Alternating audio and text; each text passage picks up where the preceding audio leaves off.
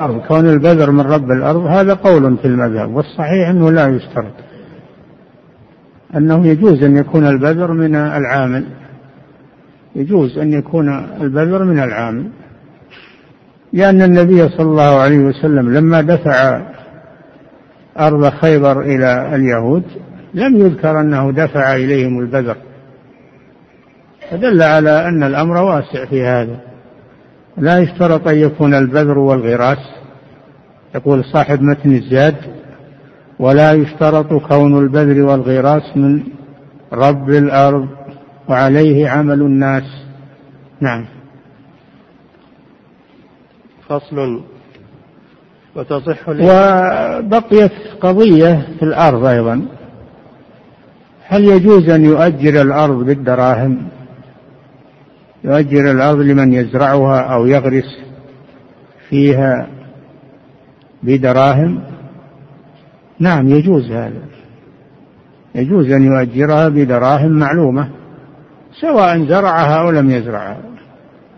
وهذا ما يسمى الآن بالصبرة أو الحكرة أن يؤجر الأرض مدة الأرض الزراعية مدة طويلة. كل سنة يدفع يدفع دراهم أجرتها سواء زرع أو لم يزرع هذا يجوز. يجوز كراء الأراضي لمن يزرعها تأجير الأراضي لمن يزرعها. نعم. وفصل وتصح الإجارة بثلاثة شروط. الإجارة هي العقد على المنفعة. أما البيع فهو العقد على العين. هذا الفرق بين الإجارة والبيع. البيع تمليك للعين وأما الإجارة فهي تمليك للمنفعة دون العين. والإجارة جائزة بالكتاب والسنة والإجماع. فإن موسى عليه السلام آجر نفسه لصاحب مدين على رعي الغنم ثمان سنين. قال فإن موسى عليه السلام لما جاء إلى صاحب مدين هاربا من فرعون فإن صاحب مدين أنكحه ابنته على أن يرعى الغنم له ثمان سنين. ثمان سنين وإن أتم عشر سنين فذلك له أيضا. إني أريد أن أنكحك إحدى ابنتي هاتين على أن تأجرني ثمانية حجج يعني ثمان سنين. فإن أتممت عشرا فمن عندك. فتفاوض على هذا. فهذا دليل للإجارة من من القرآن. دليل للإجارة من القرآن. وأما الدليل من السنة فإن النبي صلى الله عليه وسلم استأجر ابن أريقط الليثي ليدله على الطريق إلى المدينة. وأجمع العلماء على جواز الإجارة لأن الناس بحاجة إليها. نعم. وتصح الإجارة بثلاثة شروط. معرفة منفعة. الشرط الأول معرفة المنفعة المعقود عليها. إذا أجره الدابة يبين هل هي للركوب هل هي للحمل هل هي للدياس أو ل أو للنضح نضح الماء من البئر يبين العمل. أو أجر الدار يبين المنفعة هل هي للسكنى؟ هل هي ليجعلها محلا للبيع والشراء؟ ليجعلها محلا مصنعا أو محلا للحرفة؟ يبين المنفعة التي يقصدها بالإجارة حتى لا يحصل نزاع واختلاف. نعم. وإباحتها. تكون المنفعة مباحة. فلا يجوز أن يؤجر دارا لمن يتخذ مصنعا للخمر أو يؤجر دارا أو دكانا لمن يبيع المحرمات لمن يبيع المحرمات والمواد المحرمة أو يؤجر جارية للغنى والزمر. فكل هذا نفع محرم ولا يجوز الاستئجار له أو يؤجر داره للبنك الربوي يؤجر داره أو عمارته للبنك الربوي لأن الله حرم الربا فهذا نفع محرم. نعم. ومعرفة أجرة. ثالث معرفة الأجرة. أو الأول أن تكون المنفعة معلومة والثاني أن تكون المنفعة مباحة.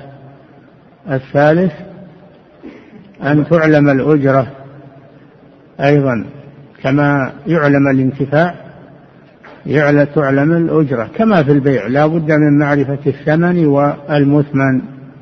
فإن كانت الأجرة مجهولة لم يصح العقد. نعم. ومعرفة أجرة إلا أجيرا وضئرا إلا أنه يستثنى من هذا الشرط معرفة الأجرة ما يقوم العرف مقام التعيين فيه. كأجرة الضئر وهي المرضعة فالعرف يكفي في هذا. وعلى فيكفي العرف في هذا. لأن القرآن جاء بجواز الاسترضاع وأن تكون الأجرة بالمعروف عند الناس من الطعام والكسوة. نعم. ومعرفة أجرة وعلى الوالد نعم. وعلى الوالد رزقهن كسوتهن بالمعروف. نعم. ومعرفة أجرة إلا أجيرا. وضئرا بطعامهما وكسوتهما. إلا أنه يستثنى من معرفة الأجرة ما يكفي فيها العرف كالضئر وهي المستأجرة لإرضاع الطفل بنفقتها. نفقتها يحددها العرف عند الناس. وكذلك العامل له أن يؤجر نفسه بنفقته وهو ما يسمونه بالجازة. يؤجر نفق يؤجر نفسه بنفقته. وإن كانت مجهولة إلا أنه يرجع فيها إلى العرف. نفقة الشخص معروفة يحددها العرف. نعم. ومعرفة أجرة إلا أجيرا وضئرا بطعامهما وكسوتهما. مع أن الطعام والكسوة غير محددين فيرجع فيهما إلى إلى العرف. كما قال تعالى وعلى المولود له رزقهن أي المرضعات. وعلى المولود له رزقهن كسوتهن بالمعروف. نعم. وإن دخل حماما أو سفينة أو أعطى ثوبه خياطا ونحوه.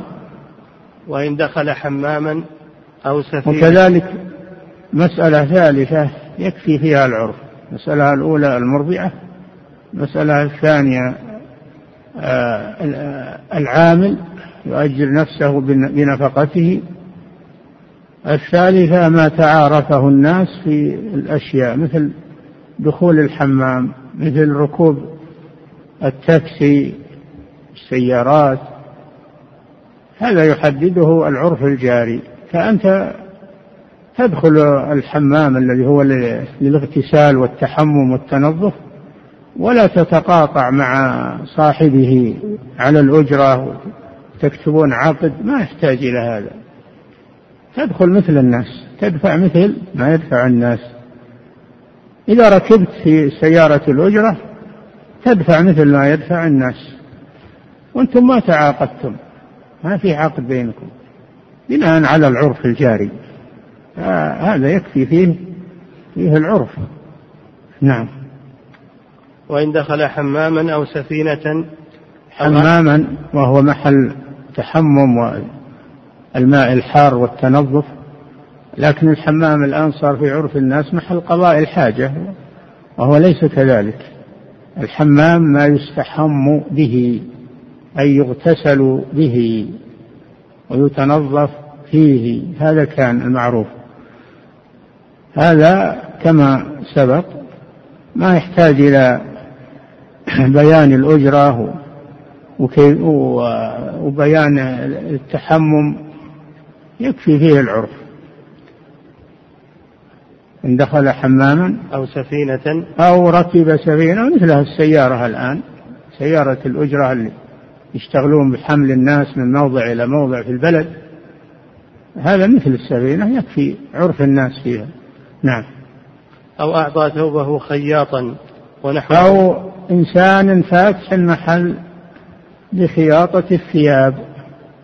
جبت أنت القماش ودفعته إليه ليفصله ثوبا لك ويخيطه ولا عقدت معه تقول بأجرة كذا وخياطة كذا لا يعني ما يلزم هذا. العرف يكفي في هذا. نعم. وإن دخل حماما أو سفينة أو أعطى ثوبه خياطا ونحوه صح وله أجرة مثل. أجرة المثل مثل ما يدفع الناس. نعم. وهي ضربان. الأجرة على نوعين أجرة عين أو أجرة منفعة. أجرة عين كأن تؤجر نفسك عند إنسان ويحدد هذا بالزمن تشتغل عنده أو المسافة تشتغل عنده يوم يومين ثلاثة أو من تاريخ كذا إلى تاريخ كذا تحدد بالزمن أو بالمسافة إذا أجرت نفسك آه، لدلالة طريق مثلا أو لحمل متاع بالمسافة من بلد كذا إلى بلد كذا. فتحدد بالزمان أو بالمسافة. نعم. وهي ضربان إجارة عين وشرط معرفتها. آه، إجارة عين هذا النوع الأول. إجارة عين يعني المراد بالعين الشيء المعين. الشيء المعين كأن يؤجر نفسه أو يؤجر دابته أو يؤجر بيته للسكنى هذه تأجير الأعيان. نعم. وشرط معرفتها. يشترط أول أول ما يشترط معرفة العين المؤجرة. فإذا أجره السيارة فلا بد أن يعينها السيارة الفلانية. أو أجره دابة لا بد أن يعينها لئلا يحصل اختلاف. ما يقول أجرتك دابة لتحمل عليها أو سيارة لتركبها بدون أن يحددها. نعم لا بد أن تعين العين. نعم. وقدرة على تسليمها. هذا الشرط الثاني أن يكون من أجر العين قادرا على تسليمها للمستاجر مثل البيع. اشترط من شروط صحة البيع القدرة على تسليم المبيع. كذلك في الإجارة إذا أجرت شيئا فلا بد أن تكون قادرا على تسليمه للمستاجر ليتمكن من الانتفاع به. نعم. وعقد في غير ضئر على نفعها دون أجزائها. والشرط الثالث أن يعقد على نفعها أن تكون الأجرة على المنفعة لا على لا على الأجزاء. فالذي الذي لا ينتفع به إلا بتلفه لا يؤجر كالطعام لا ينتفع به إلا بأكله فهذا لا يؤجر. إنما الذي يؤجر هو الذي يمكن أن ينتفع به مع بقاء عينه كالدار للسكنى والدابة للحمل والركوب. فما ينتفع به مع بقاء عينه يجوز تأجيره. وما لا ينتفع به إلا مع تلف عينه أو شيء من أجزائها لا يصح تأجيره. نعم. وعقد في غير ضئر على نفعها دون أما الضئر وهي المرضعة هذا لا شك أنه عقد على على على شيء من أجزائها وهو الحليب الحليب منها الحليب يخرج من منها ويدر من منها من من ثديها فهذا مستثنى. مع أن الحليب يتلف باستعماله شوف الحليب يتلف باستعماله فهذا يستثنى للحاجة إلى ذلك. نعم. وعقد في غير ضئر على نفعها دون أجزائها واشتمالها على النفع. هذا الشرط الرابع نعم. أن تكون العين مشتملة على النفع المستأجرة من أجله. فإن كانت الدابة المؤجرة للحمل لا لا تصلح للحمل. دابة ما تصلح للحمل. فلا تجوز الإجرة لأنه لا يمكن استيفاء المنفعة من شيء لا يشتمل على هذه المنفعة المؤجر من أجلها. فلو أجرت نفسك لشخص على أن تنسخ له كتابا مثلا. تنسخ له كتابا. أنت لا تحسن الكتابة. ما يجوز هذا. ما تقول بروح أجيب كاتب يقوم مقامي. لا. ما تروح تقول أجيب كاتب ينسخ بدالي. هذا ما يصلح. فإن كنت أنت تستطيع العمل هذا تؤجر نفسك. وإلا فلا. لأن لأن المنفعة العين لا تشتمل على المنفعة المؤجر. من أجلها. نعم. وكونها لمؤجر أو مأذونا له فيها. الشرط الخامس أن تكون المنفعة مملوكة للمؤجر أو مأذونا له في تأجيرها. مثل البيع يشترط في المبيع أن يكون مملوكا للبائع أو مأذونا له فيه. كذلك المنفعة لا بد أن تكون مملوكة للمؤجر أو وكيلا عن مالكها فإن أجرها أجنبي بدون إذن مالكها لم تصح الإجارة. نعم. وإجارة العين قسمان. إجارة العين نوعان. إجارة العين للعمل إجارة عين لاستيفاء المنفعة منها. قسمان. نعم. وإجارة العين قسمان إلى أمد معلوم يغلب على الظن بقاؤه بقاؤها فيه. نعم. القسم, القسم الأول أن تكون الأجرة محددة آه، الزمان أو محددة المسافة. أو محددة المسافة. هذا واحد. الثاني الثاني لعمل معلوم كإجارة دابة. الثاني أن يكون العمل أن تؤجر العين لعمل معلوم. لعمل معلوم نعم. الأول وإجارة العين قسمان إلى أمد معلوم يغلب على الظن بقاؤها فيه. يؤجر الدار مدة مدة خمس سنين عشر سنين.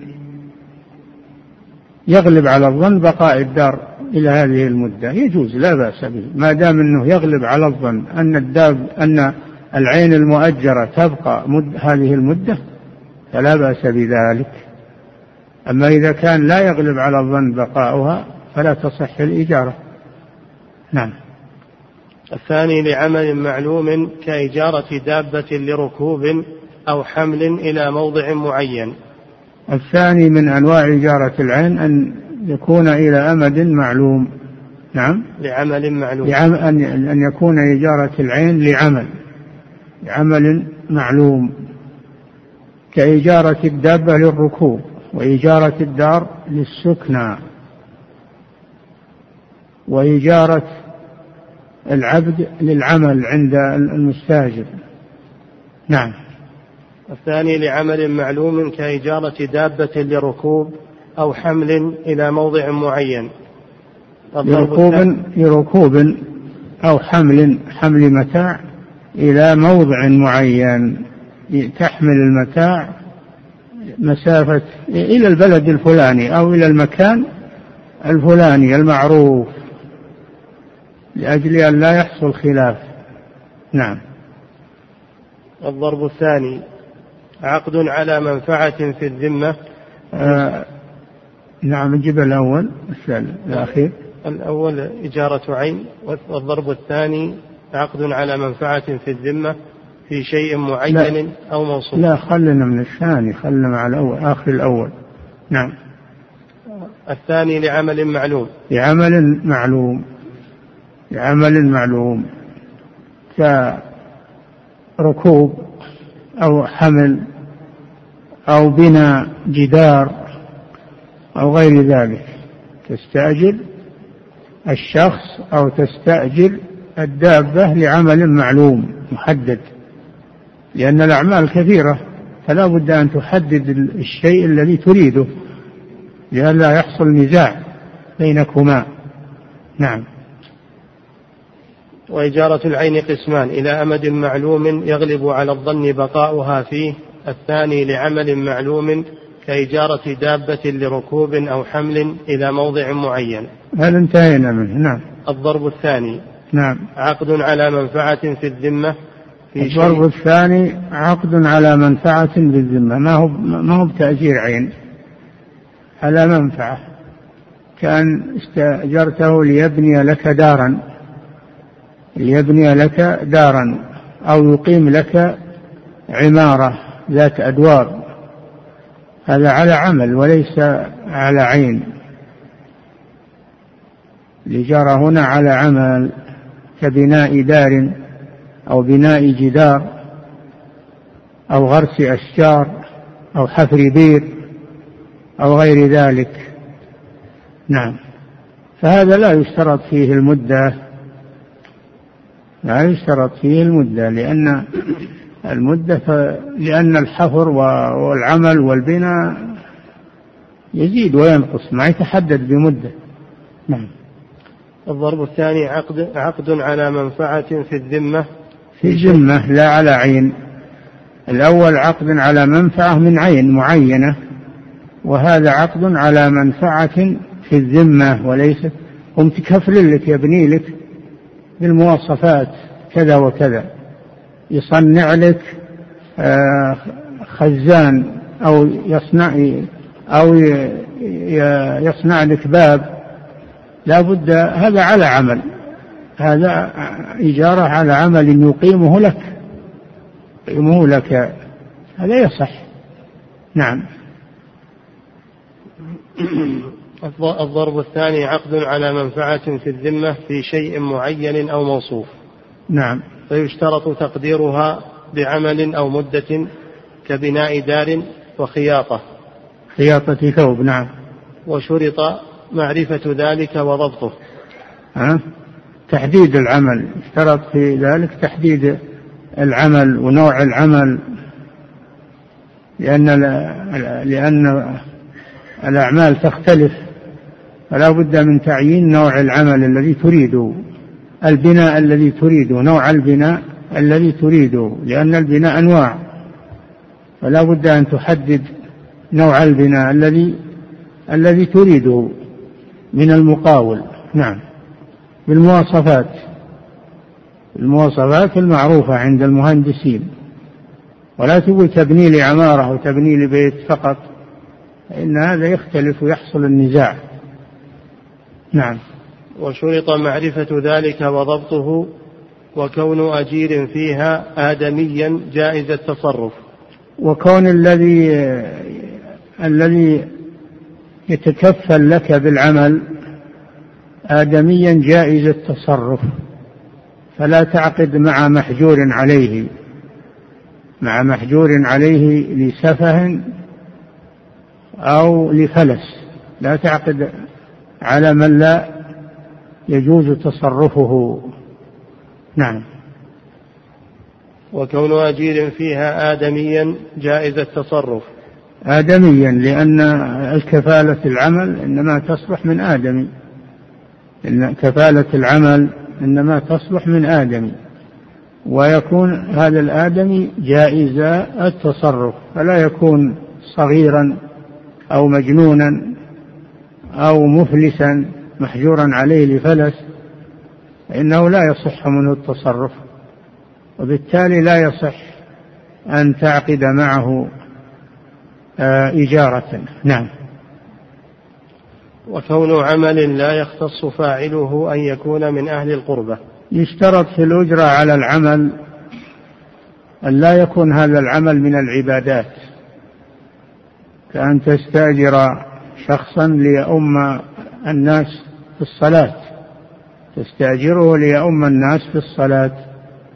هذا لا يجوز لأن الإمامة عبادة. فلا يجوز أن تتخذ لكسب الدنيا وطمع الدنيا. وكذلك لا تستأجر من يحج عنك لأن الحج عبادة. فلا تؤاجر من يحج عنك. لكن تدفع له تكاليف تكاليف الحج مثلا وتعطيه مكافأة للإمامة في المسجد. مكافأة ما هي بأجرة لأنه لا بد أن يتفرغ ويترك طلب الرزق فيحتاج إلى ما يعينه على القيام بالإمامة مثلا. يجعل له رزق من بيت المال ولا يسمى هذا أجرة هذا يسمى رزق من بيت المال. لأن بيت المال لمصالح المسلمين وهذا منها. أئمة المساجد القضاة الذين يقومون بالأعمال ويتفرغون لها يحتاجون إلى نفقات. فيعطون من بيت المال ما يكفيهم. وأما أنه يعقد عليها إجارة فلا يجوز هذا لأن هذا من طلب الدنيا بعمل الآخرة. إذ قال تعالى من كان يريد الحياة الدنيا وزينتها نوفي إليهم أعمالهم وهم فيها لا يبخسون. أولئك الذين ليس لهم في الآخرة إلا النار. حبط ما صنعوا فيها وباطل ما كانوا يعملون. فلا تتخذ أعمال الآخرة لطلب الدنيا. وإنما العكس تتخذ الدنيا لعمل الآخرة. ولهذا يقولون من حج ليأخذ فلا يحج. من حج ليأخذ يعني يأخذ أجرة فلا يحج لأن حجه غير صحيح. ومن أخذ ليحج فليأخذ. لأن هذا يكون من أجل القيام بالعبادة وتكون ويكون هذا الذي يأخذه عونا له على ذلك فيستعان بالدنيا على عمل الآخرة ولا يستعان بعمل الآخرة لطلب الدنيا. نعم. وعلى مؤجر لا أعد. وكون عمل لا يختص فاعله أن يكون من أهل القربة. نعم فلا يجوز أن كما ذكرنا أن تعمل عمل الآخرة لأجل طمع الدنيا. وكذلك لا يجوز أن تستأجر للحج غير مسلم. لا يجوز أن تنوب أن توكل ما نقول تستأجر. لا يجوز أن توكل في الحج غير مسلم وتعطيه نفقة الحج لأن الكافر لا يصح منه الحج لا تصح منه العبادات. نعم. فإذا يجوز الأخذ على الحج بشرطين أن يكون الآخذ من المسلمين الذي ينوب في الحج من المسلمين. الشرط الثاني أن لا يكون قصد الحاج طمع الدنيا وإنما يأخذ ما يأخذ يستعين به على الحج لأن الحج يحتاج إلى نفقة إلى أجرة إلى آه، طعام وشراب إلى تكاليف فيأخذ بقدر ما يمكنه من الحج. نعم. وكون عمل لا يختص فاعله أن يكون من أهل القربة. نعم. وعلى مؤجر كل ما جرت ما يلزم المؤجر وما يلزم المستأجر. يلزم المؤجر نعم. وعلى مؤجر كل ما جرت به عادة وعرف. نعم. على المؤجر أن يقوم بكل ما يمكن بكل ما يمكن المستاجر من الانتفاع من إصلاح الدار و و آه، رحل الدابة. إذا أجر دابة فلا للحمل أو الركوب فلا بد أن يعد بالرحل وبالخطام. الزمام الذي يكون آه الذي تقاد به الدابة فعلى المؤجر كل ما يتمكن به من الانتفاع. نعم. وعلى مؤجر كل ما جرت به عادة وعرف كزمام مركوب وشد ورفع وحط. نعم لا بد أنك تكلف الدابة بخطامها وبرحلها وبحبالها.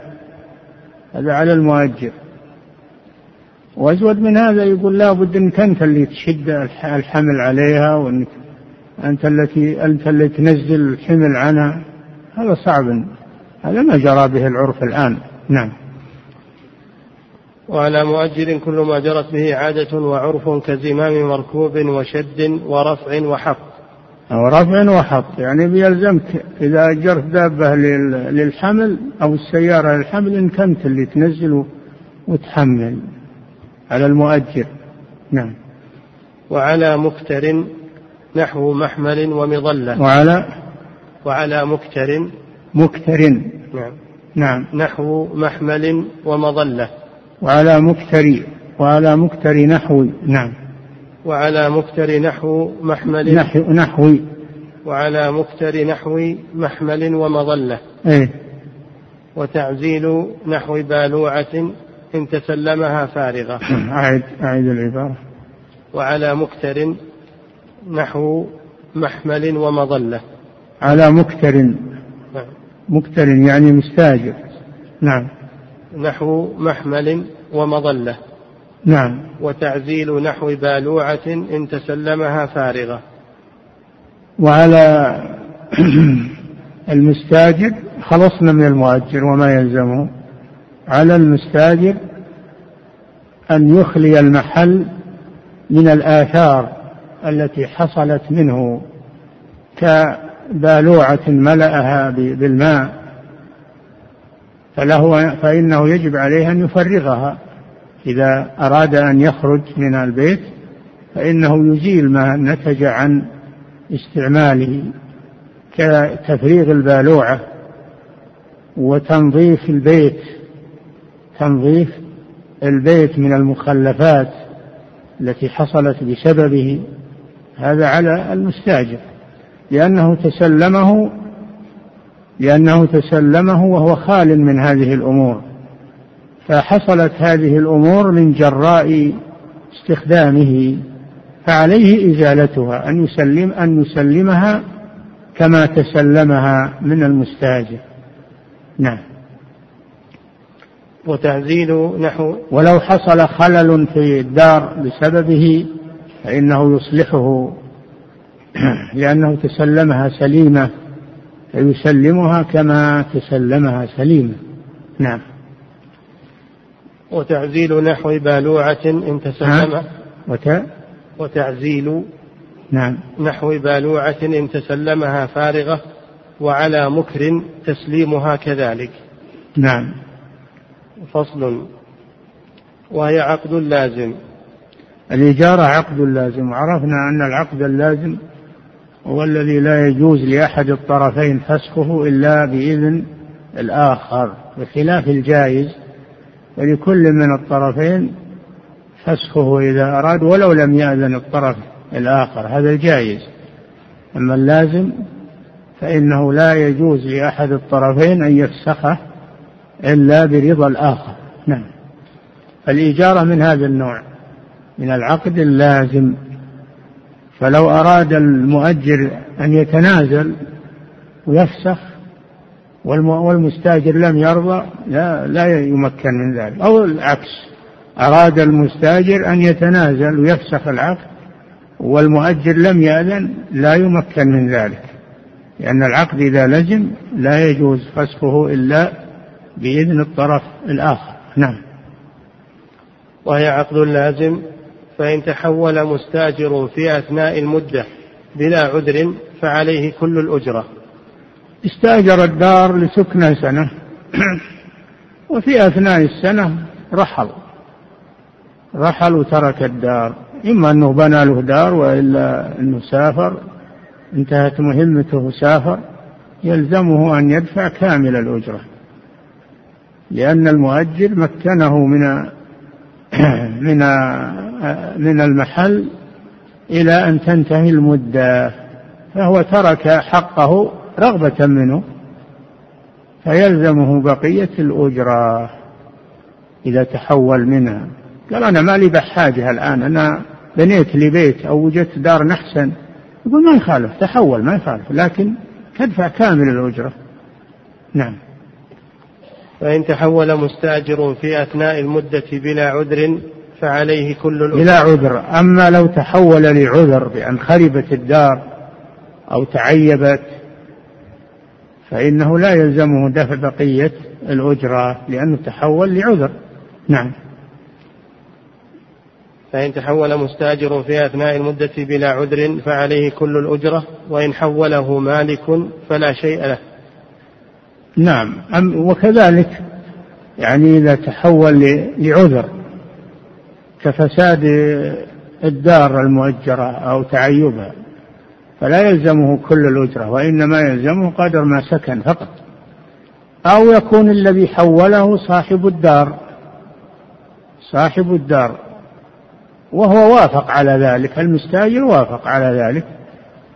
فإن الم... فإن صاحب الدار ليس له من الأجرة إلا بقدر ما سكن المستاجر لأنه هو الذي حوله وأسقط حقه. نعم. وتنفسخ بتلف معقود عليه. تنفسخ الأجرة إذا تلف المعقود عليه كأن استأجر دابة للركوب وماتت الدابة أو استأجر سيارة ليحمل عليها أو يركبها وانصدمت وتلفت. تنفسخ الأجرة لتعذر الانتفاع لتعذر الانتفاع منها. نعم. وتنفسخ بتلف معقود عليه وموت مرتضع.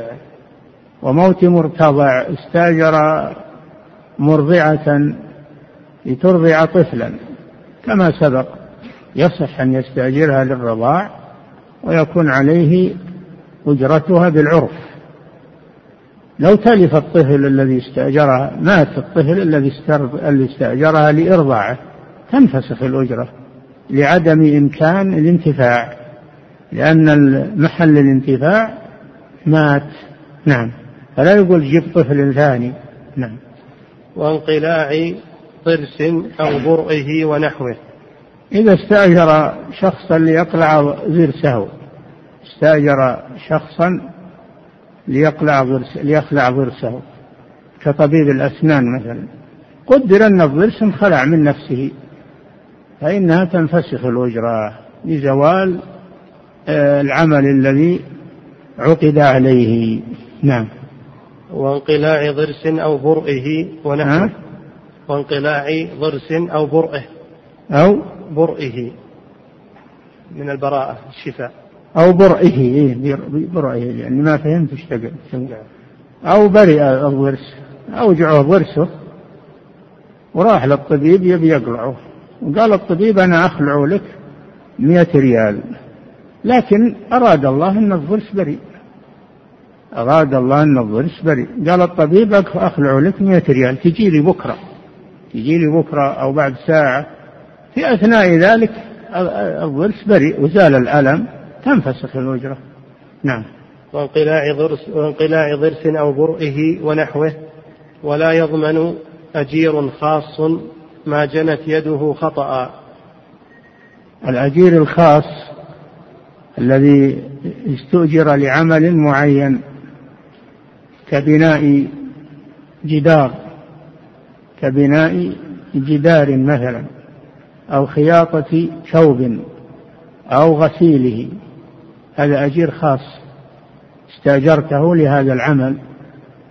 فحصل تلف في الثوب أو في في الجدار تعيب لا بتفريط من العامل وإنما خلل بدون تفريط فليس أو هو أراد أن أن يغسل الثوب أو يكويه بالمكوى فاحترق احترق من من غير تعد منه ولا تفريط ليس عليه ضمان. ما جنت يده خطأ فلا ضمان عليه لأنك أنت ثمنته على ذلك. نعم. أما ما جنت يده تعمدا فإنه يضمنه. نعم. ولا يضمن أجير خاص ما جنت يده خطأ. أما الأجير العام شوف الأجير العام اللي فاتح المحل للخياطة أو للغسيل وتلف الثوب هذا يضمن هذا يضمن ما تلف عنده. أما الأجير الخاص اللي اللي مخصوص بعملك أنت فقط ولا يشغل الناس. ما يشتغل للناس إنما يشتغل لشخص معين. هذا هو الذي لا يضمن الخطأ. أما الأجير العام اللي يعمل لك ولغيرك وفاتح المحل فهذا يضمن ما تلف عنده خطأ أو عمدا. نعم. ولا يضمن أجير خاص ما جنت يده خطأ ولا نحو حجام وطبيب وبيطار عرف حذقهم إن أذن فيه مكلف أو ولي غيره. كذلك الطبيب والحجام إذا كان حاذقا وترتب على العلاج تلفيات أنفس أو أعضاء وهو حاذق هذا لا يضمن هذا لا يضمن. أما إذا كان غير حاذق فإنه يضمن لأنه لم يؤذن له بالاشتغال بالطب.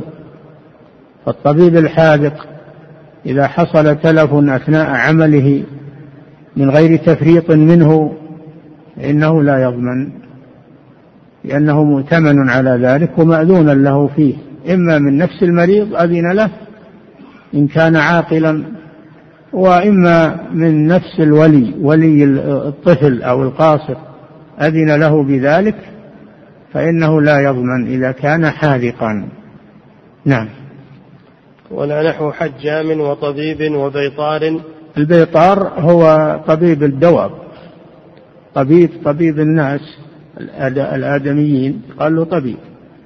أما البيطار فهو طبيب الحيوانات. الذي يعالج الحيوانات. والبيطرة معروفة. نعم. ولا نحو حجام وطبيب وبيطار عرف حذقهم إن أذن فيه مكلف أو ولي غيره.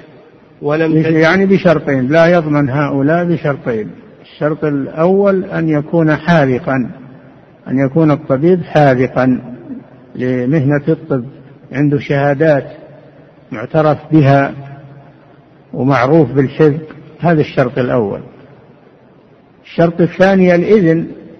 إما من المريض أو من وليه إن إنه يعالجه هذا الطبيب الحاذق ثم تلف أو حصل ضرر لا يضمن. نعم.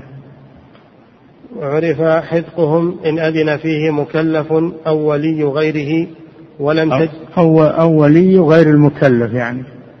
نعم. ولم تجن أيديهم. ولم تجن أيديهم. هذا شرط ثالث. شرط ثالث. الشرط الأول أن يكون الطبيب والبيطار حاذقين أو الحجام كذلك. الشرط الثاني الإذن إما من نفس المعالج أو من وليه. الشرط الثالث أن لا يكون هذا بتعد من الطبيب جنت يده. فإنه يضمن إذا كان متعديا في إجراء العملية على غير المعروف وعلى غير النظام المعروف فإنه يضمن لأنه لم يؤذن له بذلك. نعم. ولا راع ما لم يتعد أو يفرط. ولا راعي المواشي الذي يرعى فعدا الذئب على بعضها وتلف أو سقطت وتلفت أو وقعت في بير. الراعي ما يضمن هذه لأنه لم يفرط. نعم. ويضمن مشترك ما تلف بفعله لا من حرزه ولا يكفي. نعم. يقول فضيلة الشيخ وفقكم الله إذا كان عندي إذا كان عندي شجرة مثمرة فوكلت عاملا أن يحرسها. أن إذا كان عندي شجرة مثمرة فوكلت عاملا أن يحرسها نعم. حتى تنضج الثمرة أن يحرسها من الطيور والحيوانات الأخرى. فهل هذا يدخل في حكم المساقات؟ لا هذه حراسة ما هي مساقات المساقات أن يسقيها. أما إذا استأجرته لحراستها هذه حراسة نعم. ما هي مساقات؟ نعم. يقول وإذا أهمل العامل في الحراسة. حتى أكلت الطيور الثمر فهل, فهل للعامل أجرة؟ إذا أهمل وتلفت الثمرة أو أكلت نتيجة لإهماله فإنه يضمن الثمرة يضمن الثمرة. نعم. يقول فضيلة الشيخ وفقكم الله ما العلة في تحريم ما يسمى بالإيجار المنتهي بالتمليك؟ العلة اختلاف العقدين عقد البيع وعقد الإجارة هو جمع بينهما وهما مختلفان في الشروط وفي وفي اللوازم. فلا يجوز أن يجمع بين عقدين مختلفين. والإجارة نوع والبيع نوع فلا يخلط بينهما. هذه من ناحية. الناحية الثانية أنه يشترط في البيع أن يكون منجزا من حين العقد ولا يكون معلقا بشرط مستقبل. والإجارة والبيع المنتهي بالتمليك فيه تعليق البيع على آه، شرط مستقبل ولا يجوز هذا. نعم. يقول فضيلة الشيخ وفقكم الله. هل تصح المساقات على أشجار الزينة وأشجار الظل؟ وكذلك هذه ما هي مساقات هذه أجارة. إذا وجرت واحد يسقي حديقة بيتك أو الأشجار الزينة التي تريدها يسقيها هذه ما هي مساقات هذه إجارة.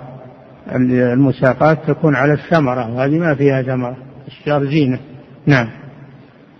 يقول فضيلة الشيخ وفقكم الله ما يسمى بأشجار العود والصندل؟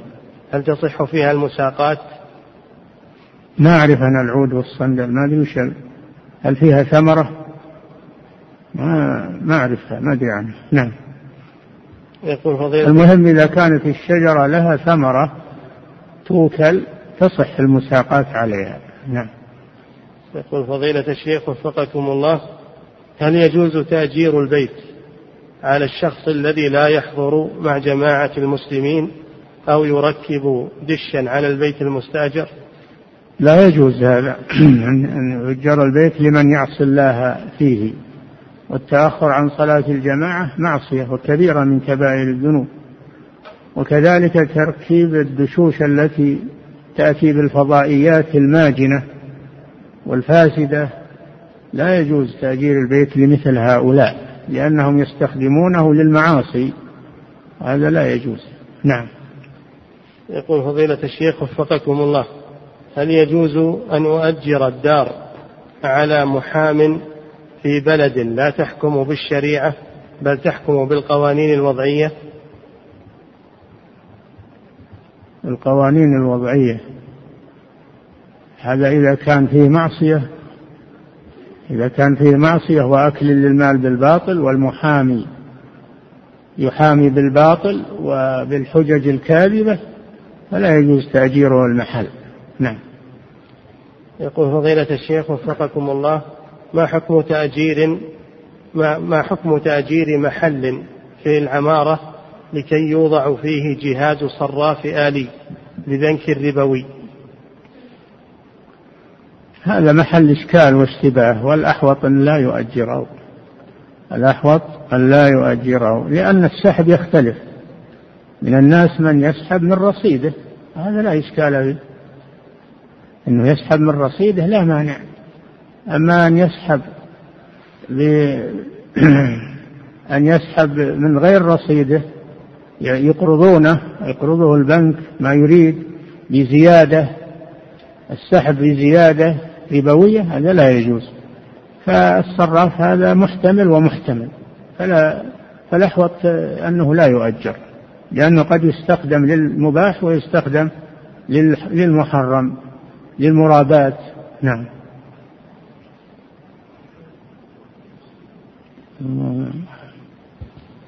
نعم. يقول فضيلة الشيخ وفقكم الله شخص يملك عمارة تجارية وقام بتأجيرها على بنك ربوي والآن يريد صاحب العمارة أن يبيعها يقول شخص يملك عمارة تجارية وقام بتأجيرها على بنك ربوي والآن يريد صاحب العمارة أن يبيعها على شخص آخر. السؤال هل إذا قمت بعمل السمسرة بين البائع والمشتري أكون آثما؟ علما بأن البنك ليس له علاقة في البيع لا من قريب ولا من بعيد. إذا قمت بالسمسرة تأجيرها للبنك فلا يجوز لأن هذا إعانة على الربا على المرابات. أما إذا قمت بالسمسرة في بيعها على غير البنك البيع المعروف النزيه لا بأس. نعم. يقول فضيلة الشيخ وفقكم الله تأجير الدكاكين. على الحلاقين ما حكمه؟ الأصل أنه لا بأس لكن لما كانت الحلاقة على الوجه المشروع لا بأس أما تأجيرها الآن للحلاقة على الوجه المحرم كحلق اللحى وتصفيف الشعور وغير ذلك من الأمور تحولت الآن الحلاقة إلى محرمة في الغالب في الغالب ما قليل من الناس الذي يحلق الحلاقة المأذون بها شرعا. الكثير على الحلاقة المغيرة عن المشروع. فبناء على ذلك لا تؤجر الحلاقين. نعم. يقول فضيلة الشيخ وفقكم الله رجل استأجر بيتا ليسكنه وتلف مثلا شيء من السباكة أو الكهرباء فهل إصلاحها على المؤجر أو المستأجر؟ إذا كان تلفها بسبب المستاجر فعليه أما إن كان سبب تلفها لغير تسبب من المستاجر فهي على صاحب البيت لأن له أن يؤمن الماء للمستاجر. نعم. عليه أن يؤمن الماء للمستاجر. نعم. يقول فضيلة الشيخ وفقكم الله إذا كنت أريد إصلاح سيارتي وطلبت من العامل أن يصلحها لكنه لم يستطع ذلك فهل له أجرة الإصلاح كاملة؟ إذا إيش؟ إذا كنت أريد إصلاح سيارتي وطلبت من العامل أن يصلحها ولكنه لم يستطع ذلك فهل له أجرة الإصلاح كاملة؟ إذا كان لا يستطيع الإصلاح فكيف يستحق الإجارة كاملة إن كان قصدك أنه أصلح منها شيء وعجز عن الباقي فله من الأجرة بقدر ما أصلح وتخصم عليه النقص. أما إذا كان لم يصلح منها شيء فليس له شيء. نعم. يقول فضيلة الشيخ وفقكم الله إذا تم عقد الإجارة ثم توفي أحد الطرفين فما حكم العقد بالنسبة للورثة؟ يلزم العقد لازم ويستمر المستاجر إلى أن تنتهي مدته. لأن لأنه ملك المنفعة بالعقد فلا يؤثر فيه موت المؤجر حتى تنتهي مدته. نعم. يقول فضيلة الشيخ وفقكم الله ذكرتم بالأمس بأن تسمية البنت باسم ملاك أنه محرم والسؤال أن عندنا فتاة عمرها أربع عشرة سنة فماذا نعمل في اسمها الآن؟ سهل غيروا اسمها الآن. غيروا من ملاك إلى حصة أو مريم أو فاطمة ولا شيء في هذا. الأمر سهل. نعم. يقول فضيلة الشيخ وفقكم الله إذا استأجرت عاملا ليبني لي جدارا واشترطت عليه مدة معينة. إذا؟ إذا استأجرت عاملا ليبني لي جدارا واشترطت عليه مدة معينة خوفا من التساهل والتلاعب والمماطلة فهل يجوز لي ذلك؟ ما أنت استأجرته الآن على بناء جدار تحديد البناء بمدة ما ما يصلح لأنه العمل يختلف إذا كان تأخيره لتفريط منه وإهمال منه فلك أن تحاسبه على ذلك. أما إذا كان تأخر بناء الجدار لأن البناء يتطلب هذا هذا الشيء ولم يقصر هو في شيء ليس لك عليه سبيل. نعم. يقول فضيلة الشيخ وفقكم الله إذا كان المسلمون يقيمون في بلاد غير إسلامية لا يوجد فيها بيت مال فهل يجوز أن يعطى للإمام راتب شهري يؤخذ من صندوق المسجد الذي يجمع فيه تبرعات المصلين؟ لا بأس بذلك لا بأس بذلك. أن يدفع له قدر ما ما يكفيه يتفرغ لإمامة المسجد ويكون من صندوق المتبرعين لأنه يقوم مقام بيت المال. نعم. يقول فضيلة الشيخ وفقكم الله من يقول من يقول أريد أن أبحث عن مسجد لأكون إمامه ليعينني على مصروفي وعلى مصروف زوجتي ومنها يعينني على الطاعة. فما حكم هذا العمل؟ الاعتبار بالنيات والمقاصد. فإذا كان قصدك الطمع فلا تتولى الإمامة إذا كان قصدك الإمامة والتقرب إلى الله وتعينك على طاعة الله وعلى حفظ القرآن وتأخذ ما تعطى للاستعانة على ذلك فلا مانع. العبرة بالمقاصد. نعم. يقول فضيلة الشيخ وفقكم الله بعض أئمة المساجد يتغيبون عن بعض الصلوات في بعض الأيام فهل يتخلصون من حق الصلوات التي تغيبوها؟ يتركون الإمامة يتركون الإمامة إما أن يقوموا بها على الوجه المطلوب فإذا لم يقوموا بها على الوجه المطلوب فإنه يجب عليهم تركها لمن يقوم بها. إلا إذا إذا تأخر لعذر شرعي كمرض أو سفر آه، لا بد منه فهذا عذر لا بأس. ولك يحل لك يحل لك المكافأة أو الراتب الذي تأخذه إذا كان تغيبك لعذر شرعي. ما إذا كان تغيبك لكسل أو لانشغال عن الإمامة فهذا لا يجوز لك أن تلتزم بها ولا تقوم بها وأشد من ذلك أنك تأخذ مكافأتها. نعم. يقول فضيلة الشيخ وفقكم الله من شروط الإجارة إباحة المنفعة. فهل يجوز تأجير كلب الصيد؟ لا لا يجوز. كلب الصيد من الارتفاق. لا يجوز بيعه وإذا كان لا يجوز بيعه الحديث الصحيح ثمن الكلب نهى عن ثمن الكلب فكذلك إجارته لأن الإجارة بيع إلا أنها بيع للمنافع. نعم. يقول فضيلة الشيخ وفقكم الله أعمل في مؤسسة مقاولات وقد حدث خطأ في العمل. أعلنوا أعمل أعمل إيه؟ في مؤسسة مقاولات وقد حدث خطأ في العمل بغير تفريط مني. فهل لصاحب المؤسسة أن يخصم من راتبي شيئا نظير هذا التلف هذا خصومة يحتاج إلى تحقيق ورجوع إلى أهل الخبرة تقرير أهل الخبرة في هذا. فهذا لا بد من من من نظر أهل الخبرة فيه والعمل على ما يقررون. نعم. يقول فضيلة الشيخ وفقكم الله إذا كان عند التاجر كمية من البضاعة وقال خذ عينة منها واعرضها في السوق وهي عليك القطعة الواحدة بخمسين ريال وتذهب وتعرض هذه القطع بأكثر علما بأن باقي البضاعة ما زال عند التاجر. هل يجوز هذا العمل؟ يجوز العمل على ما على ما وقع عليه البيع. ما وقع عليه البيع فإنه يلزم ويكون لك وتسلم ثمنه للبائع. أما ما لم يقع عليه البيع فلا لا بد من عقد جديد على بقي بقية السلع التي من جنس هذه السلعة التي اشتريتها. نعم. يقول فضيلة الشيخ وفقكم الله هل يجوز شراء عقار قبل بنائه؟ وهل إذا دفع بعض أقساطه وملكه فله أن يبيعه؟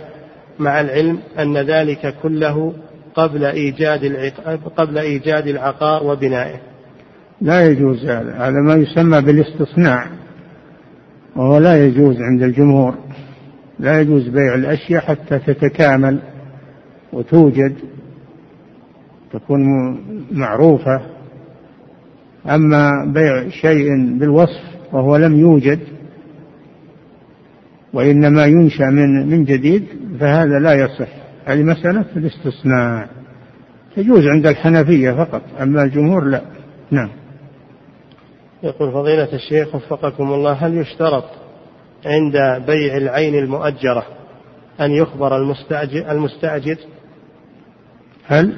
هل يشترط عند بيع العين المؤجرة أن يخبر المستأجر المستأجر ببيعها؟